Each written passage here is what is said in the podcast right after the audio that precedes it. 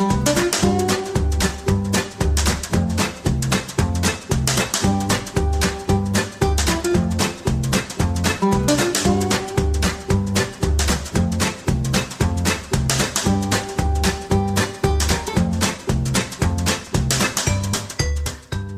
och varmt välkomna till eh, Sjölivet Podcast där vi eh, snackar om eh, ja, just sjölivet.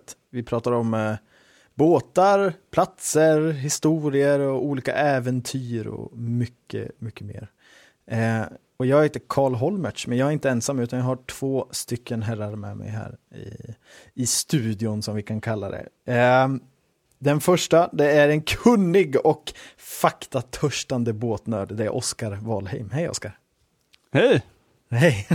Och sen den andra personen, ingen mindre än en nyfiken, extremt nyfiken ska jag nog säga, båtentusiast i, ända in i ryggmärgen, Benny Bounsgaard. Hej! Tjena! Vilka fina presentationer jag har här för dig va?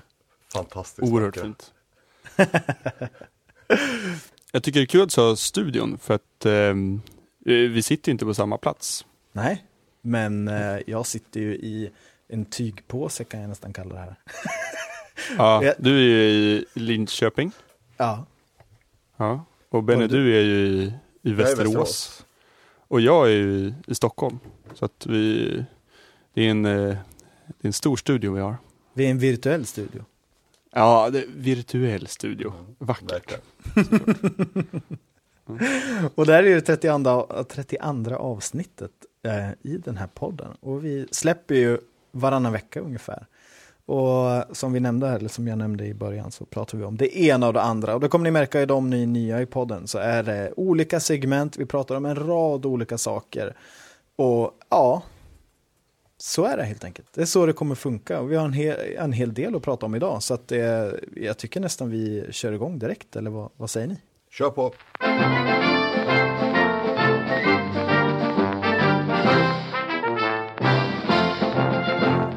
Förra veckan så eh, hade ju du Benny varit eh, och fixat en bok och det, vi hade lite aktion och grejer på den där. Hur gick det? Jag har inte så bra koll.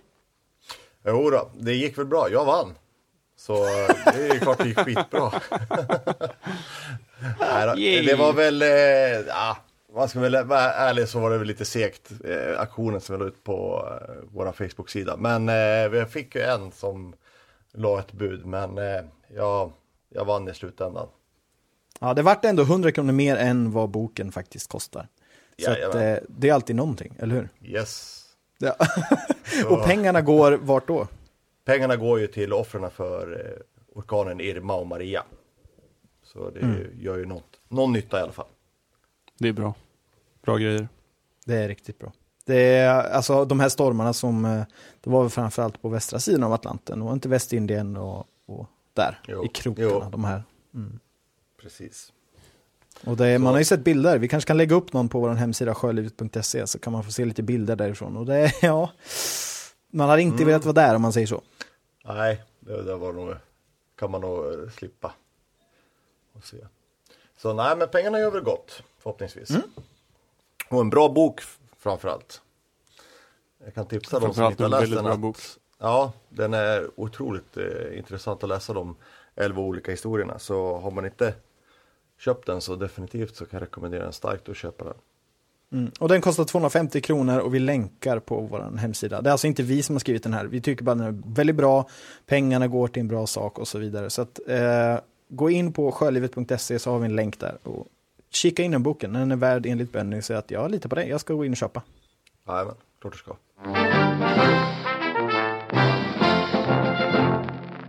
I det 30 avsnittet så, ehm, så nämnde vi ett tragiskt dödsfall, dödsfall som skedde i eh, Clip Around the World Race, som är ett, eh, en havskappsegling där amatörer är med och deltar.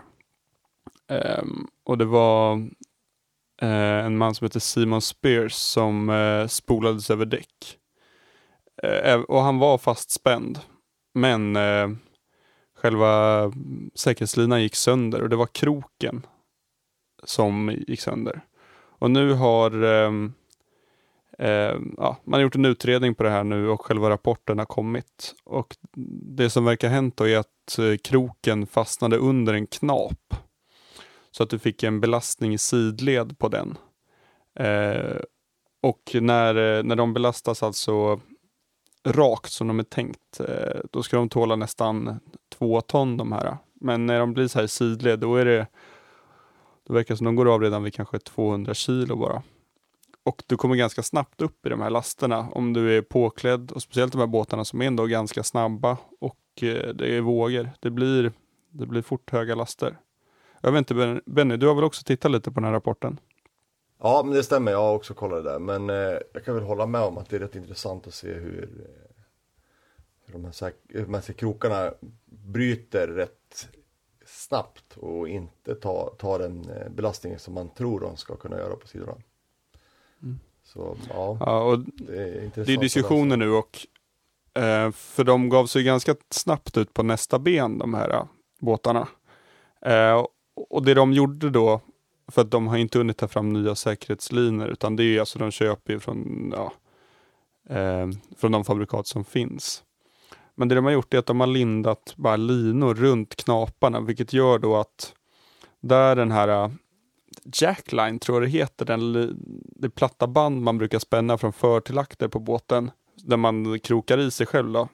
Äh, där den går förbi knapar och annat så har de lindat äh, linor runt knaparna vilket gör att krokarna inte ska kunna fastna i dem. Men det är såklart inte en så permanent lösning på det här problemet, men det är ju en, ett första steg som löser i alla fall det akuta, vilket ja, förhoppningsvis gör att detta ske, inte sker igen. Men och det stämmer väl att man ska kolla över på sin båt då, för att det är ju många som, alltså många säkrar sig på däck och har ju beslag och fästen som de här krokarna då får löpa över och kolla hur, vad som kan hända om man kan fastna. Eh, jag vet på den båten som jag seglar Gotland runt på, där har vi ju den har ju knap, knapar midskepp, så där kan det faktiskt fastna. som jag minns det nu, nu var det ett tag sedan jag var ombord på den båten. Så att, eh, men det var inget som vi diskuterade då eller något som man hade egentligen koll på. Så det här är ju något som kan hända även oss vanliga seglare. Och framförallt dig då Benny som eh, snart ska ut och segla mm, Gotland runt. Jo, man får ju tänka, tänka efter både en och två gånger. Mm.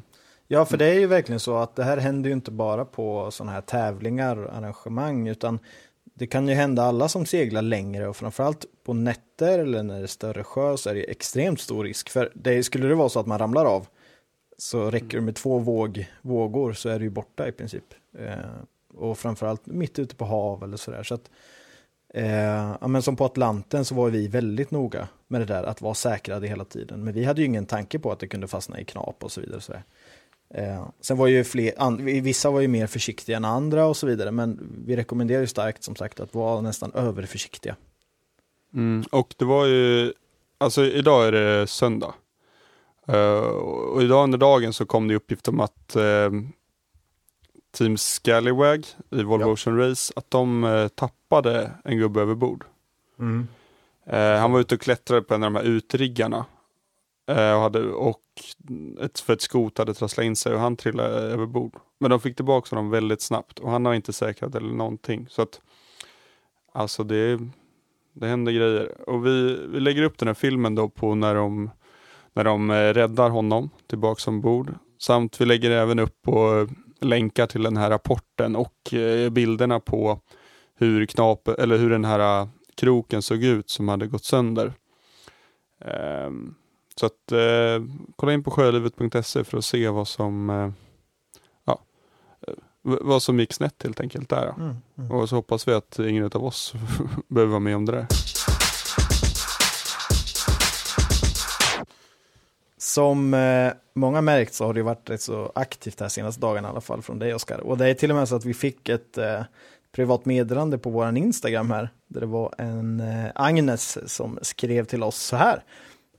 Alltså varför har det inte gått fram till er att veckodagar är för jobb, plugg och valfri tråkig börda? Hon var alltså lite sur på att någon här, Oskar, hade det rätt så bra. Alltså. Vad är det du har gjort för något Oskar? Ja, jag har åkt långfärdsskridskor. Jag har varit ute söndag, måndag, tisdag, onsdag. Sen fick jag ont i fötterna och i låren. Och sen har jag åkt idag igen. Så nu har jag lite ont igen. Men alltså det har varit fruktansvärt härligt här i Stockholmsområdet. Jag har ju åkt eh, framförallt norr om Stockholm och det har varit strålande sol och varm och boj och med vind och bra isar, ingen snö. Lite Men- apelsinskal en dag men ja, inte så mycket att klaga på egentligen. Men för att svara på hennes fråga då, Oskar. För Benny, du har väl precis varit pappaledig och börjat jobba igen, eller hur? Ja, precis. Ja, och jag jobbar fullt. Och, men Oskar, du gör inte det. Vad gör du? Nej, jag har ju just nu jag studieuppehåll. Men eh, ja, så jag, man kan väl säga att jag, jag poddar på heltid. Utan lön. Ehm, nej men då, det är kul, jag har fått se ganska mycket nu när jag ute och åkt också. Första dagen var jag ute och åkte, då var det eh, de åkte så här, alltså de vindsurfade på, på sjön. Så de hade ut som en stor longboard ungefär. Um, som de hade ett windsurfingsegel på som de åkte. Och det gick rätt jäkla fort alltså. Jag snackade lite med dem. De sa att eh, rekordet låg på runt 100 km i timmen med en sån där. Så att det är läckert. Och det la jag lagt upp, la jag upp någon film på. ehm, på vår Instagram och kan även- på Facebook. Sen var jag även ute och kollade på när eh, Stockholms brandförsvar eh, var ute och övade med sin svävare. Ehm, och alltså de, verkar, de var inte helt lätta att styra de där. Ja, Nej. de såg ut att ha de- lite problem övade- med den där. Ja, så de, det är ju superbra att de är ute och övar. Ehm, så de, för att få stopp på dem så gör de ju en 180 graders sväng och liksom gasar max. Så att de liksom vänder Mm. eh, propellen då mot färdriktningen för att få stopp på det. Hmm. Eh, Så det var ju skitläckert att se dem ute och öva. Men du fick inte tolka efter dem då? folk. Nej, jag slapp det. jag surrade lite med de var trevliga. Men eh, det, alltså det såg ju helt fantastiskt ut. Jag har aldrig åkt långfärdsskridskor. Jag har skridskor sådär, men inte långfärdsskridskor. Eh, även om jag har varit simskolelärare och pratat med barnen om vad ska tänka på is och allt det här, så kanske du har några tips till en sån som mig, eller Benny, eller någon annan som är lite nyfiken på det här. Vad, vad, vad har du några tips på? För att det ser ju verkligen helt fantastiskt ut. Mm. Det finns ju, alltså, först ska man kolla lite i kanske israpporter och se vart det, vart det finns. Jag har varit inne på något som heter isplanket.se eh, för att kolla eh, vart det finns liksom isar i närheten där folk skriver att det gått bra. För då vet man, okej, men här har i alla fall gått att åka en gång i väldigt nära i tiden. Vad hette det, sa du? Isplanket.se. Jag, jag kommer såklart lägga upp den länken på, eh, på vår hemsida. Eh, men sen ska man inte åka själv, utan man ska vara i alla fall två. Och sen ska det är lite säkerhetsutrustning man bör ha. Man ska ha såna här ispikar, eller isdubbar, alltså som man hänger runt halsen. Och det ska man alltid ha när man beträder isen. Sen eh, så är det väldigt, väldigt bra att ha kastlina och det ska båda ha. Eh, så om någon eh, halka, eller någon ja, går igenom så ska man kasta lina då till den andra. Men då borde man kunna den. använda handsalina från båten då, på vintertid. Hansalina går alldeles utmärkt. Ehm, och sen även eh, ispikar är bra. Så att man kan känna lite på isen. För att där vi var åkte på Vallentuna sjön så var det en råk och den ändrades väldigt mycket från dag till dag. Under en period så var det, var det en fyra meter brett öppet vatten och sen dagen efter så var det bara lite, lite grann. Det var bara decimeter. Men det var fortfarande svag is där. Ehm, så där fick vi känna oss fram. Och mamma och pappa åkte dagen efter oss och de vågade inte åka över då. Så de gick på land och gick runt. Eh, och sen det, ska man ha en ryggsäck också. Eh, som ska vara packad med lite fika och framförallt då ett torrt ombyte som är vattentätt förpackat. Ehm, så att ehm, om man mot förmodan skulle eh, trilla ner i vattnet, ha något torrt att sätta på sig för det, det blir kallt.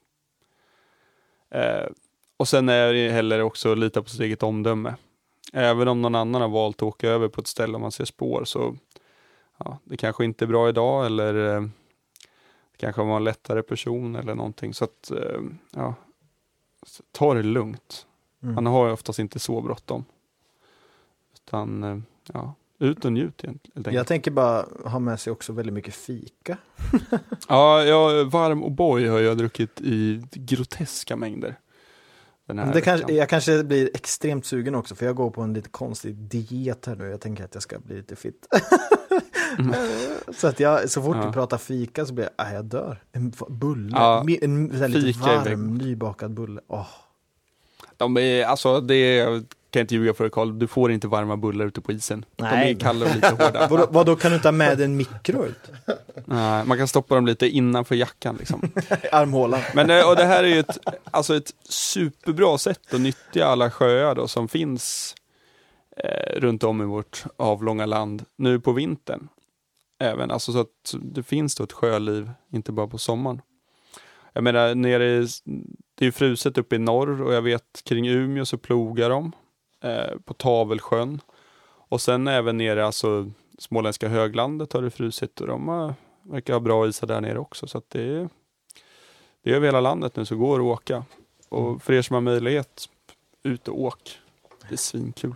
Jag kan passa på att säga då, ska jag googla det här lite snabbt också. Att i Sverige finns det nära 100 000 sjöar som är större än en hektar. Så att eh, många av dem är ju is på under vintern. Så att, eh, mm. Det går att utnyttja sjöarna även när det är is. Gör det, åk. Och fika. Ja.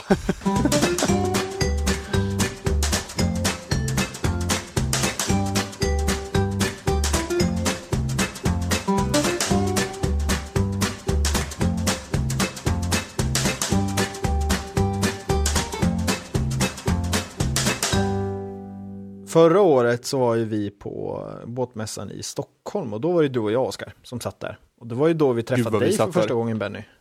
Ja, precis. Så var det. Så vi satt där i 12 dagar jag och Oskar och Benny du, eh, du vann ju en biljett här eh, av oss.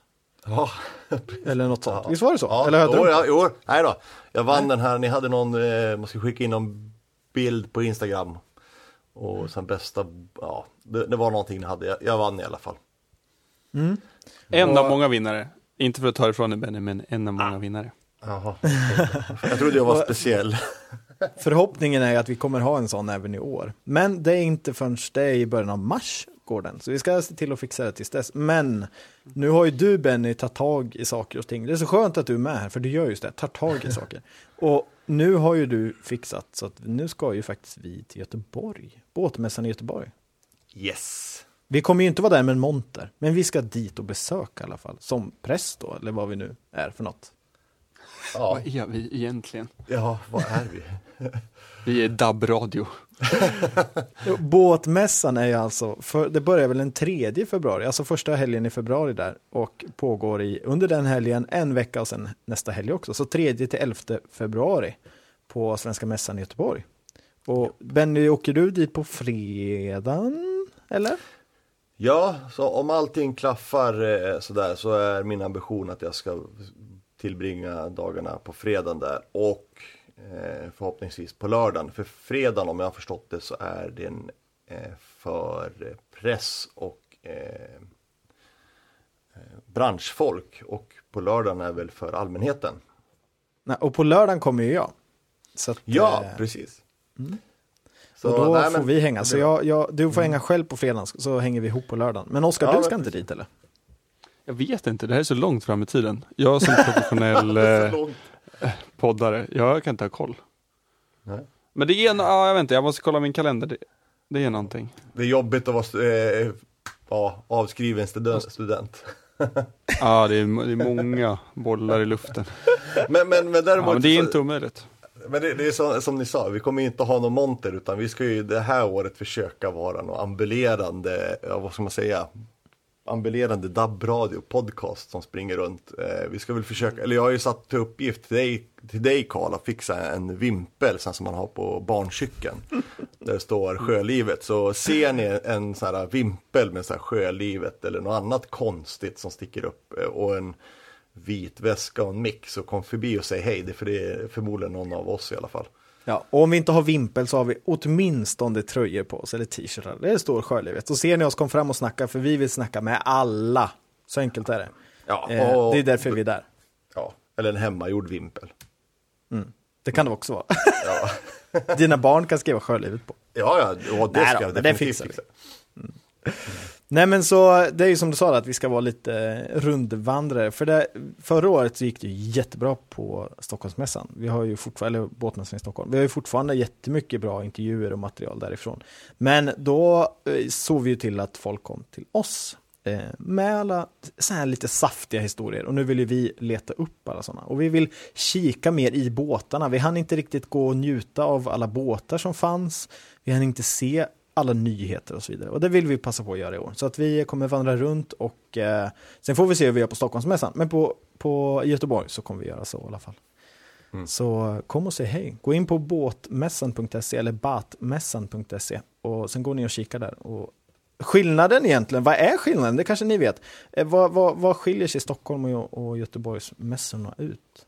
Ja, men Göteborgsmässan är ju den första mässan som, som är typ startskottet och sen eh, så har väl, sen är det väl just som ligger mig för, för brinner för mig i hjärtat, det är ju, segling är ju ett område som man har lagt extra fokus på under 2018.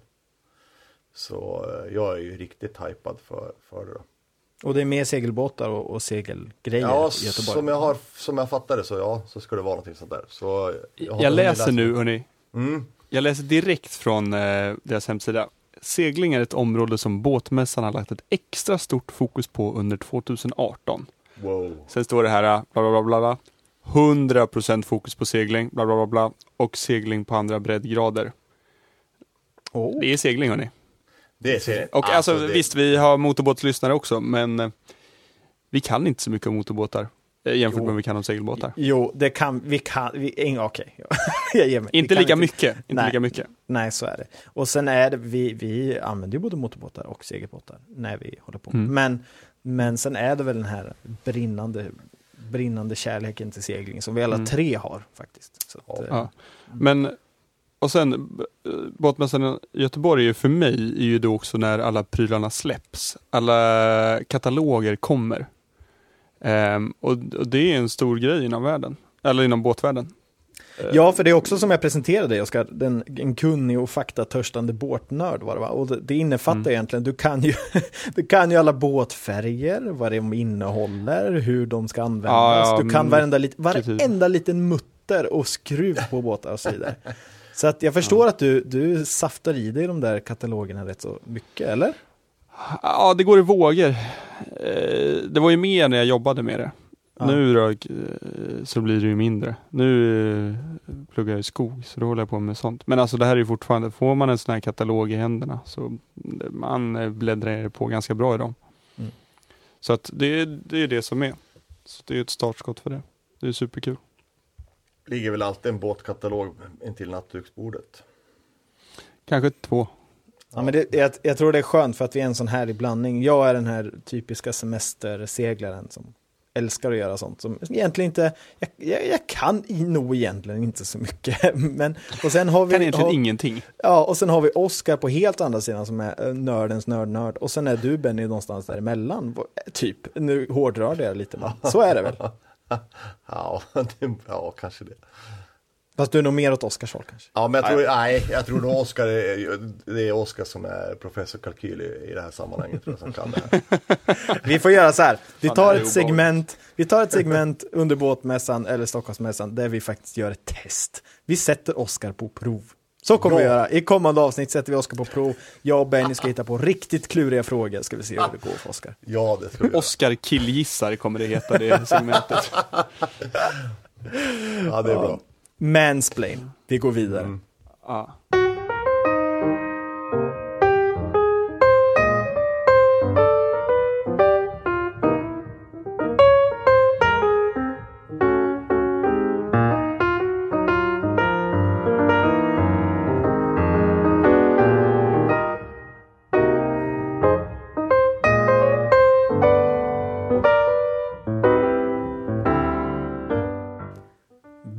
Som vi har sagt flera gånger här nu, så är ju du en väldigt eh, nyfiken, entusiastisk och driven man här som kommer med nya grejer. Och som vanligt så har ju du varit ute och gjort en eh, intervju, eller? Visst stämmer det? Eh, jo, men det stämmer. Eh, jag har träffat Birgitta Silverhjelm som driver eh, vind och vatten. Och, eh, som man säger, det är väl en eh, sätt att bedriva kurser inom segling. Nu pratar ju inte vi bara om hennes företag Vind och vatten utan vi pratar om henne och vad som fick, återigen, henne att hamna där hon är just nu. Och lite om hennes ensamseglingar som man har gjort och som hon ska göra. Och jag kan väl säga det är rätt eh, intressant. Nice. Historia. Och eh, vi, eh, alltså jag, jag tycker vi lyssnar. Kör på.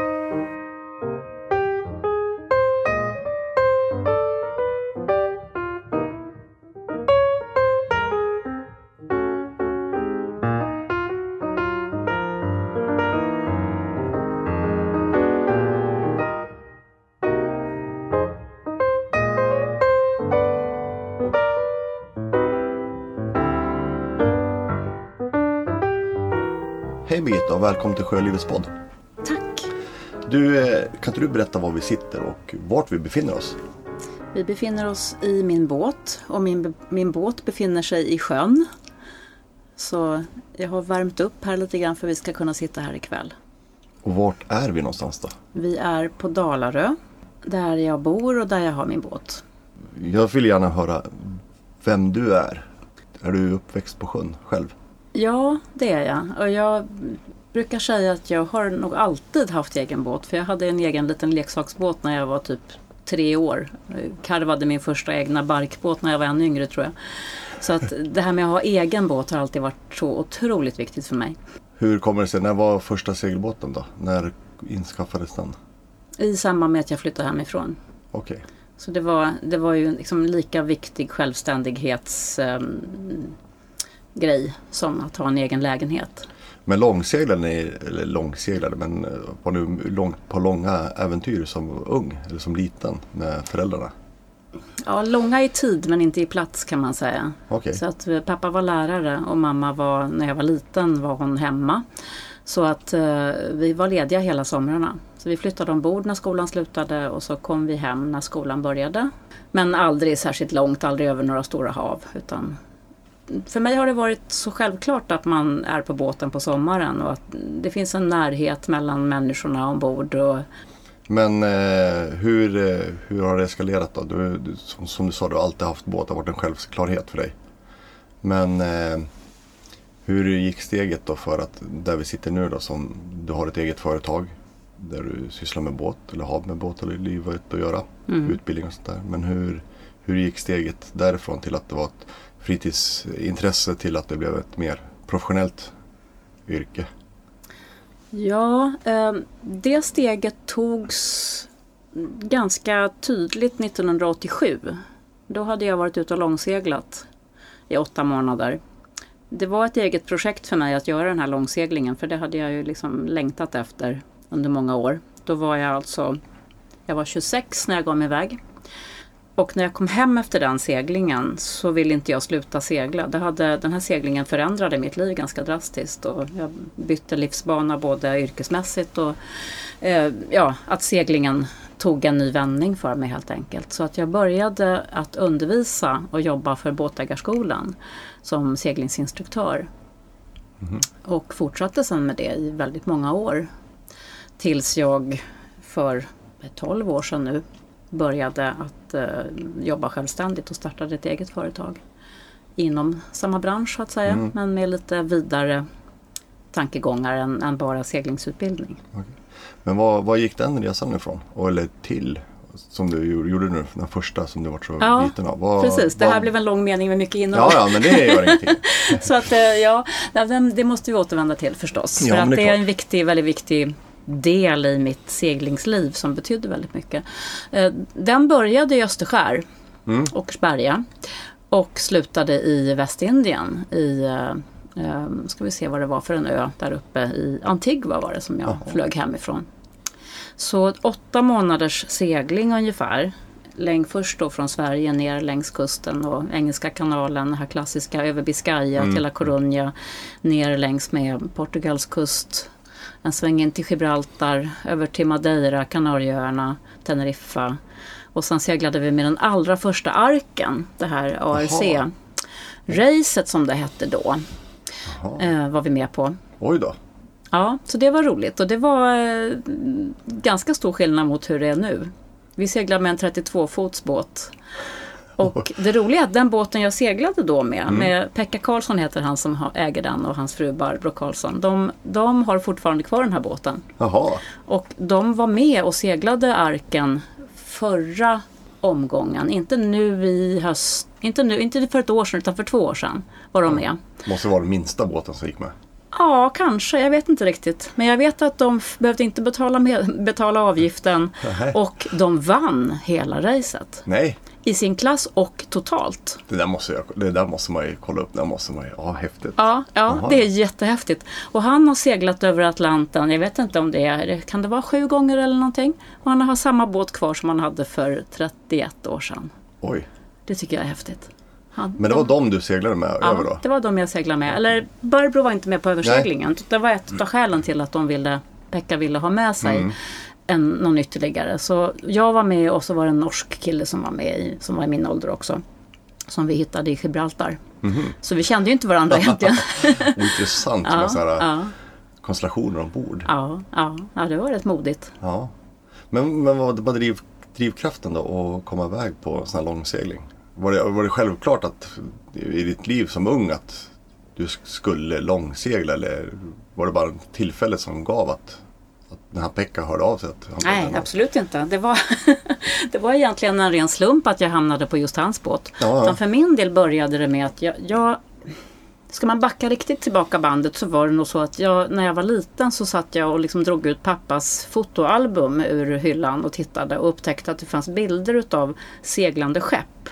Och så blev jag väldigt nyfiken på vad det där var och så berättade pappa att han hade seglat som eh, officersaspirant tror jag det var på, på flottans fartyg Jarra Masanajaden som var då lärde han mig Sveriges eh, minsta och sista fullriggare. Jag fick ju väldigt mycket fantasier kring det här med vart han hade seglat och fick för mig att han hade seglat över de stora haven och runt jorden och sådär. Han hade visserligen seglat till England men Ja. in, inte liksom längre än så. Nej. Men med sin egen båt ville han ju inte segla särskilt långt. Nej. Så eh, när jag var 23 så fick jag reda på att man kunde segla med kryssarklubbens fartyg. Mm. Atlantica och de här. Så att jag var med på en, två sådana sommarseglingar. Och då fick jag för första gången segla på havet, gå vakt, segla längre sträckor. Så det var ett viktigt ögonblick för mig och jag tror att det var då jag bestämde mig för att jag måste få göra mer utav det här med att segla över hav. Eh, och, och försöte hitta en metod för att kunna göra det trots att jag inte hade några pengar och ingen båt att göra det med. Så att jag gick alla kurser man kunde. Jag gick, eh, ja, skepparexamen tog jag när jag var 23. Och sen gick jag utsjöskeppare. Jag gick oceanskeppare, lärde mig astronomisk navigation. Oj. Och jag gick med i Oceanseglingsklubben och sprang på alla möten och föreläsningar. Jag läste alla böcker jag kunde komma åt. Joshua Slocum och alla de här klassikerna läste jag. Eh, Och, eh, och sen började jag planera min egen långsegling helt enkelt, utan båt. Mm. Så det gick ut på att jag försökte att få kontakt med andra båtar som skulle iväg. Och jag tror jag annonserade på något, jag minns inte var, men jag fick otaliga svar ifrån ensamma män som hävdade det här med If you want a good crew, marry one. och då sa jag nej tack, det är inte det jag vill, utan jag vill, jag vill delta som besättning. Och jag kan bidra. VHF-certifikat förresten tog jag ju också. Så jag hade ju en hel del att bidra med tänkte jag. Jag Ja. var också beredd att hjälpa till att jobba med förberedelser på båten. För jag hade ju inte så mycket pengar utan jag tänkte jag kan bidra med arbetskraft och med eh, liksom, aktivitet. Så att till slut så fick jag kontakt med en familj på Österskär som, som behövde ha någon co-skipper helt enkelt. Okej. Så det var den båten jag seglade iväg med och också jobbade på en hel sommar innan vi stack iväg. Men ehm, den eh, besättningen funkade inte så bra att segla med när vi väl kom iväg. Det var liksom, vi var inte helt kompatibla. Jag var ensam tjej. De var lite mer kappseglare och jag var ju mer långseglare. Ja. Vi hade olika filosofier och det skar sig. Så att eh, det slutade med att jag klev av i La Coruña och träffade på en annan svensk båt som då kände Pekka Mm. och som visste att han behövde besättning. Och de visste att han var någonstans neråt portugisiska kusten Och de hade plats ombord under någon vecka så jag kunde få hänga med dem. Okej. Så att det här var ju långt innan det fanns mobiltelefoner. Idag Ja, skulle man precis. bara ringt Ringt, liksom, ja, eller precis. kollat på internet. Så du stack bara ner där på måfå? Ja, ja, ja. Så Jaha. vi, jag seglade med dem en vecka och varje dag så ropade de på VHF-radion sådär. Vad det var en dag så svarade han. Jaha. Så i Porto så hittade vi på varandra och sen kom vi överens om att vi skulle, jag skulle mönstra på då Ja. i Lissabon. Så från Lissabon och söderöver så seglade jag med honom och då var det ju bara han och jag. Ja. Och det första som hände när vi klev ombord i Lissabon var att jag hade ätit en macka med någon slags majonnäs på som innehöll någon slags bakterier som gjorde mig jättesjuk. Wow.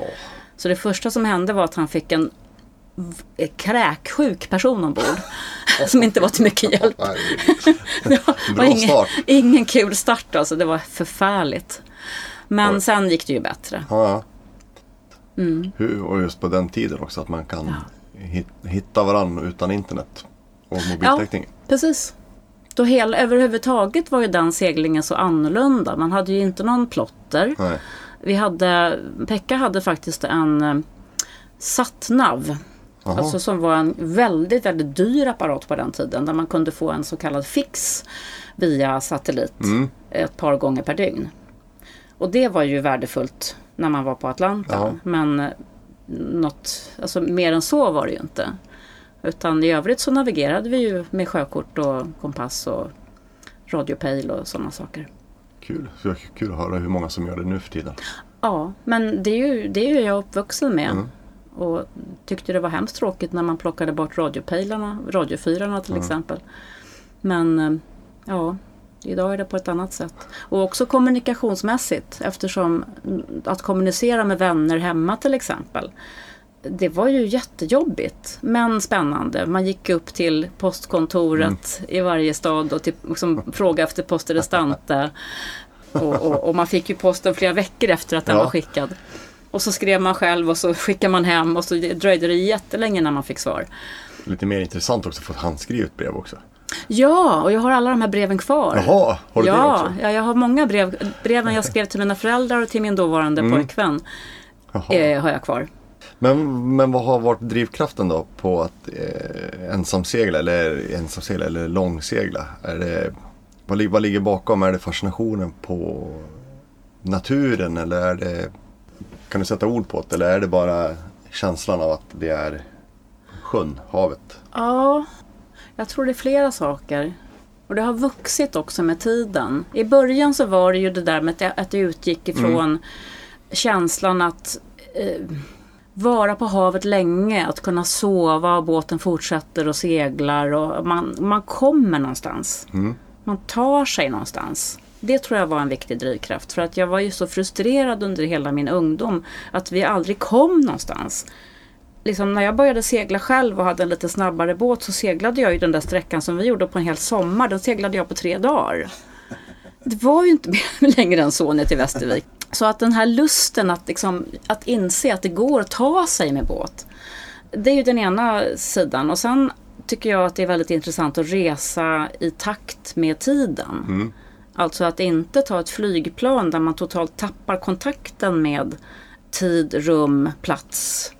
Man förstår inte vad man är egentligen. Men när man färdas med båt så förstår man ju steg för steg vart man har tagit sig.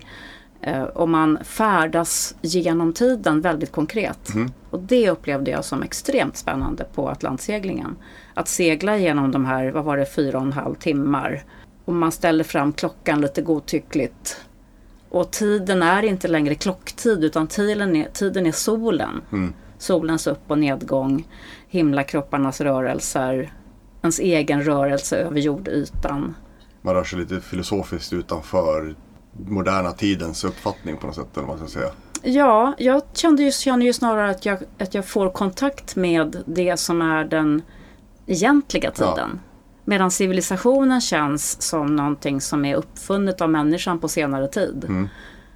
Och jag har också läst en del böcker om just tid, klockor och så vidare. Mm. Att det är ju ett påfund som har kommit med industrialismen. Innan dess har vi inte haft klockor. Det är ganska nytt. Ja.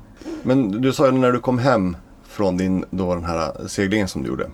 Så förändrades ju allt. Mm. Hela ditt liv förändrades. Vad gjorde du när du kom hem? Det var väl två saker. Dels var det så att jag hade haft ett jobb innan jag seglade iväg som jag hade tagit tjänstledigt ifrån.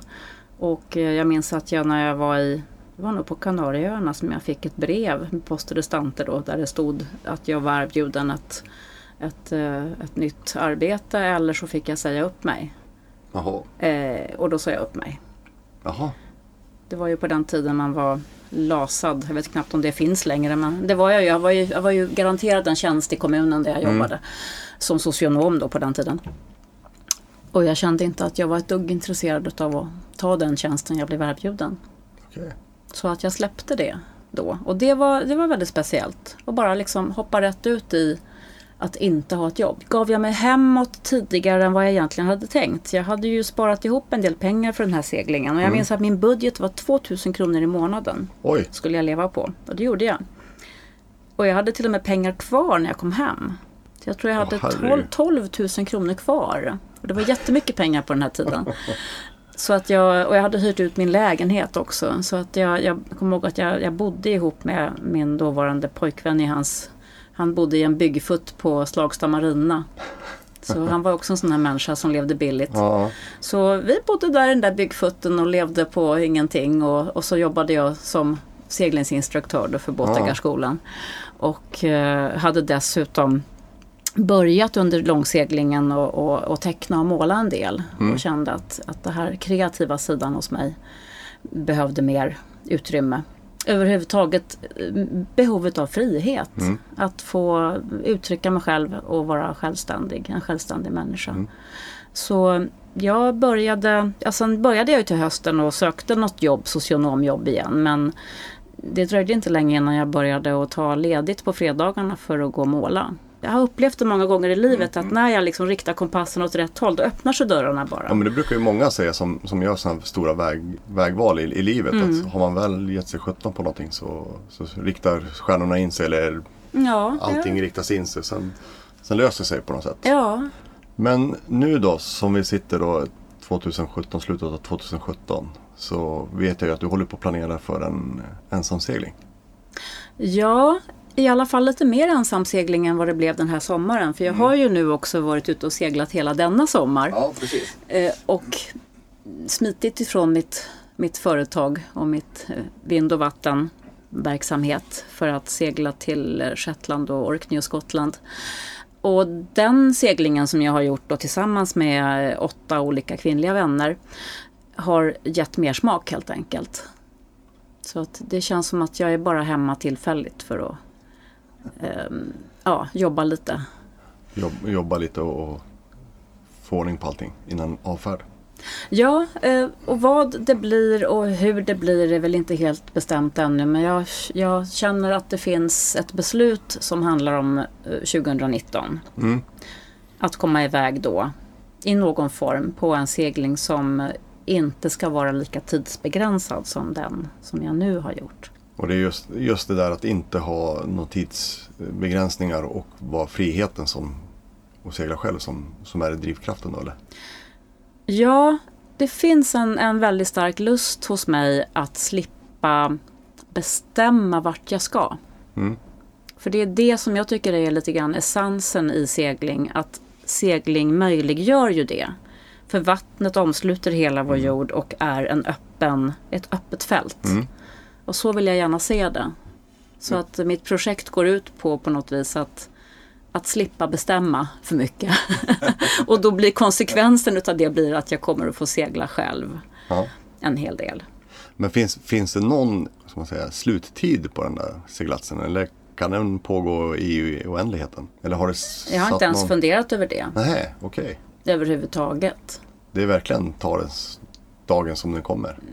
Ja, jag har ingen aning faktiskt. Jag har inte, jag, som sagt, jag har inte ens tänkt på det. Jag har bara tänkt, känslan nu är, om känslan inför den här sommarens segling var att jag har fredat en tid på tre månader drygt, som jag kunde vara borta utan att jag inkräktade för mycket på mina arbetsuppgifter. Så känner jag att jag kommer att göra det här efter att jag har avslutat det som jag nu, de uppdrag jag nu har. Och i vilken mån jag eventuellt kommer att försöka kombinera med att komma hem i perioder och jobba lite, det vet jag inte. Eller hur länge jag blir borta vet jag inte heller. Jag vet bara att, Att, att det ska seglas mera. det är ju underbart ju. Och jag vet inte heller hur jag ska hantera att, ehm, att jag vill att vind och vatten, mitt företag, ska överleva. För det vill jag.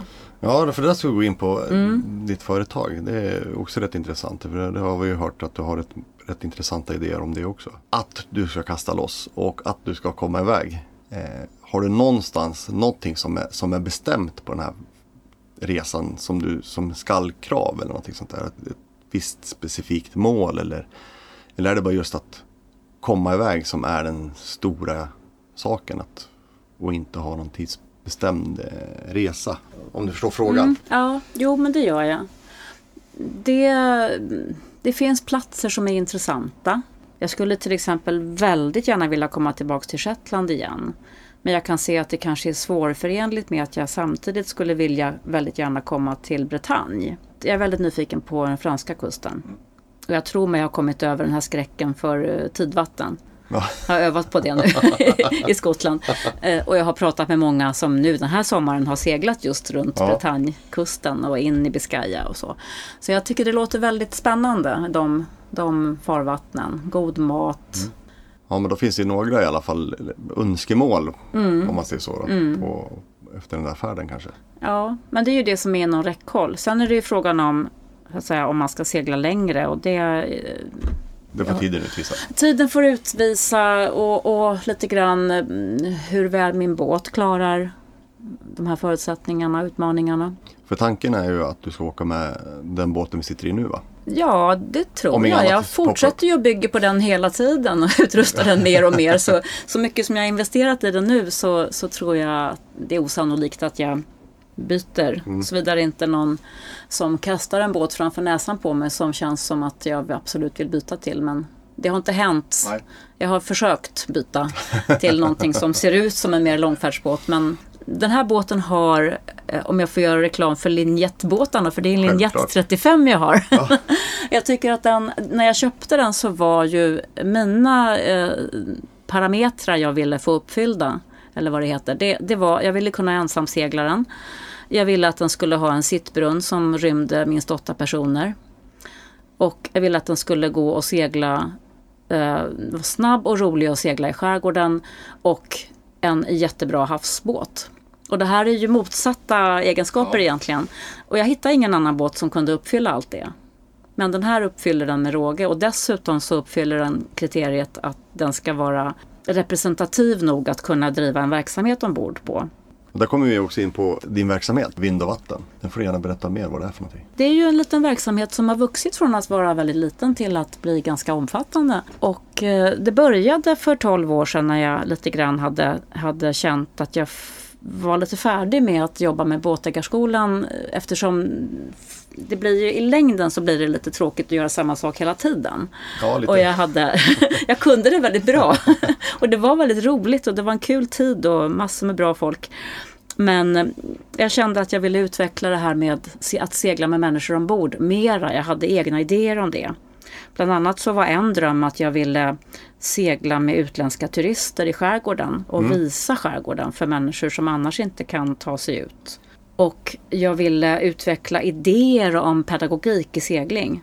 Och jag ville eh, segla med, inte bara med, alltså i, i båtägarskolan fanns det en filosofi att man skulle dela på äkta par, eller oäkta par också så att säga, men att man inte seglar ihop. Och eh, det finns en väldigt bra poäng med det, men om man istället seglar bara med ett par, som jag sen har kommit att göra ganska mycket, eller med en familj, så får man möjlighet att istället bearbeta relationerna på plats i båten. Hur man relaterar till varandra och hur man kan segla mera tillsammans än att den ena säger åt den andra vad den ska göra. Bryta, att- De bryter de klassiska normerna om Ja, exakt. vem som mannen som oftast eh, är. Mm. Men vart, eh, vart hittar man dig på nätet då? Din... Man hittar mig på hemsidan som heter www.vindovatten.se Perfekt. och där finns alla kurser och verksamheter och min blogg också från långseglingen ligger där. Mm, vad bra. Kan Men vi gör så, vi, vi länkar till dig på vår hemsida såklart. Mm. På sjölivet.se. Så kommer man se lite bilder från dig och eh, lite mer information. Det får ni gärna göra. Vad bra. Mm. Tack så mycket. Tack.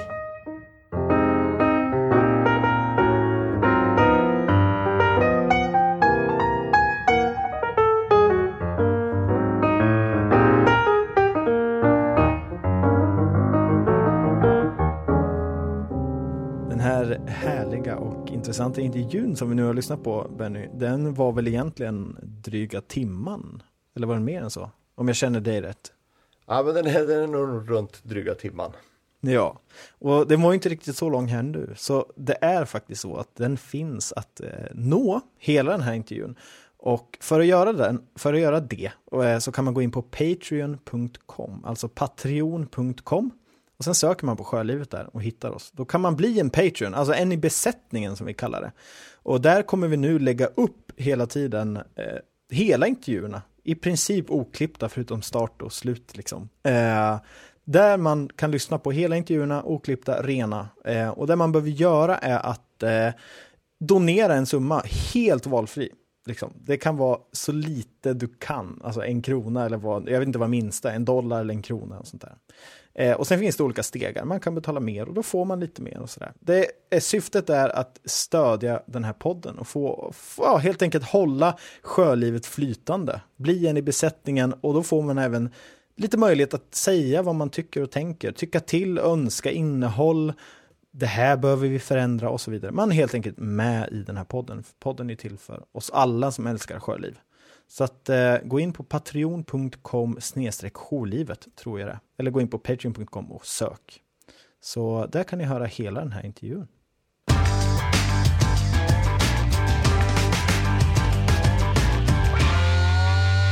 Ja, Volvo Ocean Race fortsätter.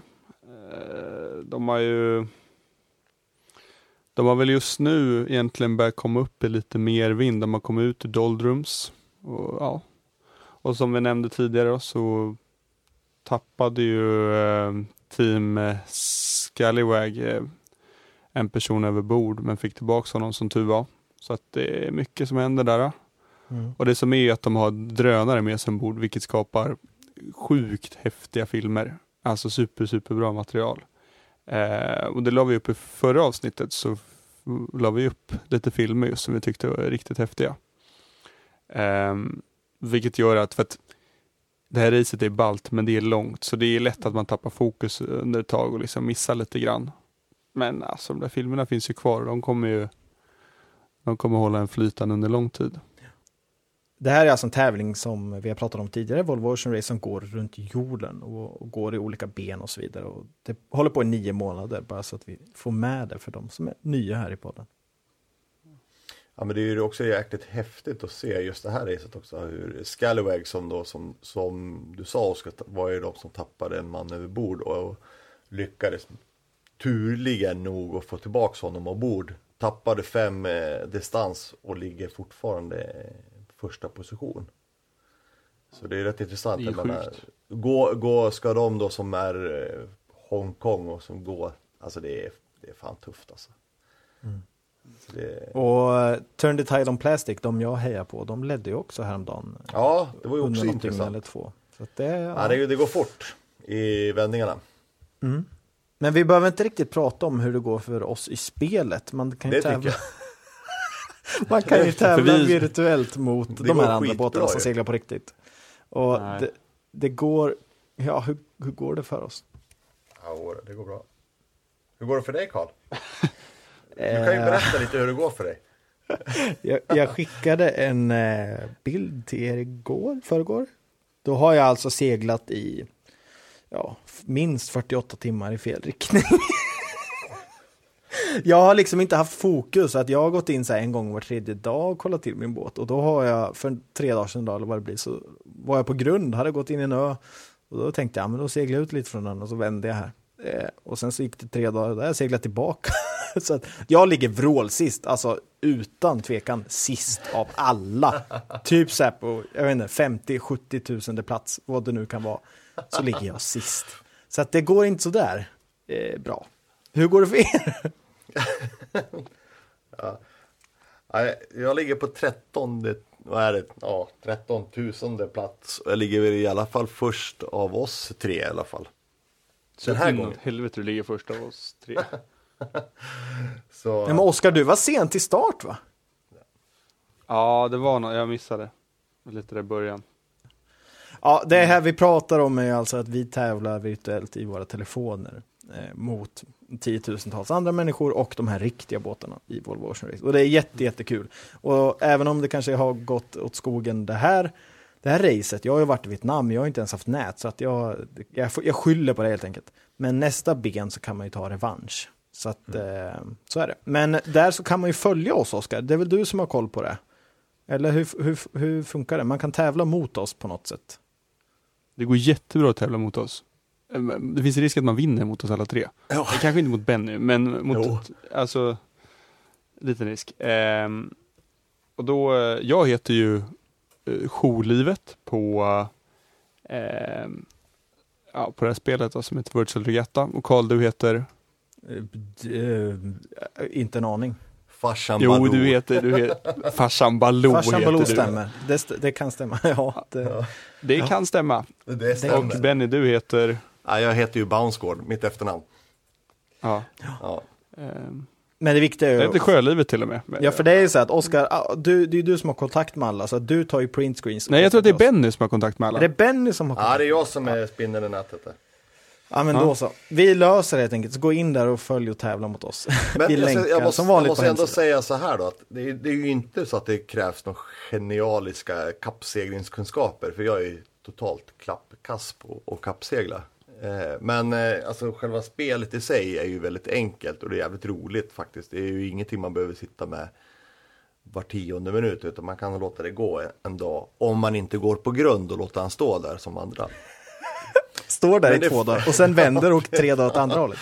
Men det funkar, alltså, alltså har man, har man, även om man åker motorbåt eller så, så är det faktiskt rätt kul. För det, det är den riktiga vind, alltså den riktiga väderprognoserna man, man kör med. Så det är live eh, väder.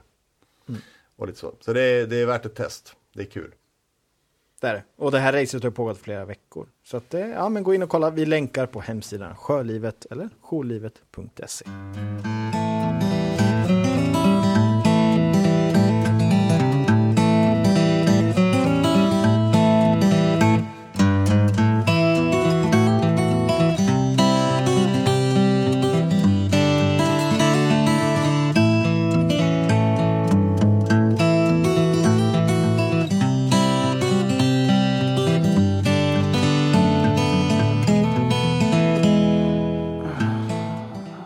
pojkar. Nu, eh, det börjar vara sent. Det är ändå söndag. Klockan är 22. Ni två ska upp och jobba imorgon. Ja. Ska du gå Eh, skridskor? jag eller? åker till eh, jag åker till Motala för att börja mecka med La Morena. Oh. Vi, eh, det ska bli riktigt trevligt. Eh, vi Men- var inte i förra året. Nu avbryter jag Oskar år- här för att du Ja. måste ju först förklara för de nya vad La Morena är. Det är alltså, enligt mig i alla fall, en av världens vackraste båtar. Ja, eh, det är en, eh, en skärgårdskryssare, en skärgårds 95 Så den är ju Ja, den är byggd på 20-talet och är 19,7 meter lång och 2,70 bred. 25 meter trämast. Alltså det är en, det är en vacker sak. Eh, man kan, om man bläddrar lite i våra flöden på sociala medier så alltså jag kan inte låta bli att lägga upp bilder. Så att, och det kommer dyka upp lite nu också under ja, nu under de närmsta veckan då på kommer ni kunna vara lite uppdaterade på hur det går för oss med snickeriet där. Så det, det ska bli riktigt kul och skönt. Eh, Jag är sugen. Eh, Och det, den här säsongen tror jag med La Morena kommer bli bra. Vi är taggade. Vad är det ni ska göra på båten då? Ja, vi bygger ny sittbrunn. Det är, undervattenskroppen är ju skrapad så den spacklas ju upp och målas och sen har vi är det nya beslag till, till masten som är monterade. Så masten har också varit renskrapad och omlackad och förstärkt lite grann. För den seglades av på sent 80-tal på uh, Scandal Beauty-regattan. Eh, då. Um, så att det, det är mycket med masten är gjort och beslag där. Så att det är framförallt det som kommer bli kul i sommar. Och sen eventuellt lite länkaget byggs om till, eh, till rodret också. Mm. För ni, ni tävlar ju med den här. Ja, och semestrar. Mm. Ehm, och jag har ju varit med och seglat den där nu sedan 2011. Så att ehm, det börjar ju vara liksom en stor del av, av det jag håller på med på somrarna. Så att det, det kommer vara kul. Det kommer bli en bra vecka. Så vi kommer bli spammade istället för skridskoåkning så är det båtbilder. Ja, bilder precis. på Jag, byter nu. Ja, härligt. Det ser vi fram emot. Mm. Det är ju också så här att eh, alla de här intervjuerna vi har hört under de senaste avsnitten, det har varit fantastiska intervjuer. Bra jobbat Benny framför allt. Det är du som har dragit i de flesta. De eh, är ju klippta här i podden. Och är det så att man vill eh, lyssna på hela så kan man gå in på patreon.com söka på Sjölivet och bli en eh, del av besättningen helt enkelt. Och där får man tillgång till hela eh, intervjuerna och där får man även lite bakgrundsbilder och lite andra bilder här och där och eh, en väg till oss helt enkelt. Man kan gå in och läsa lite mer, jag ska inte tjata om det, men gå in på patreon.com, sök på Sjölivet och kika lite. Eh, annars så hörs vi om två veckor, eller hur boys? Stämmer bra. Ja, Mm. jag är nöjd. Jag är trött. Jag måste sova. Jag har åkt skridskor. Du har fikat för mycket din jävel. Äh, bullmagen är Ja, full, jag så att ska, säga. jag ska trycka mig en öl och sen en wienerbröd nu innan jag går och lägger mig.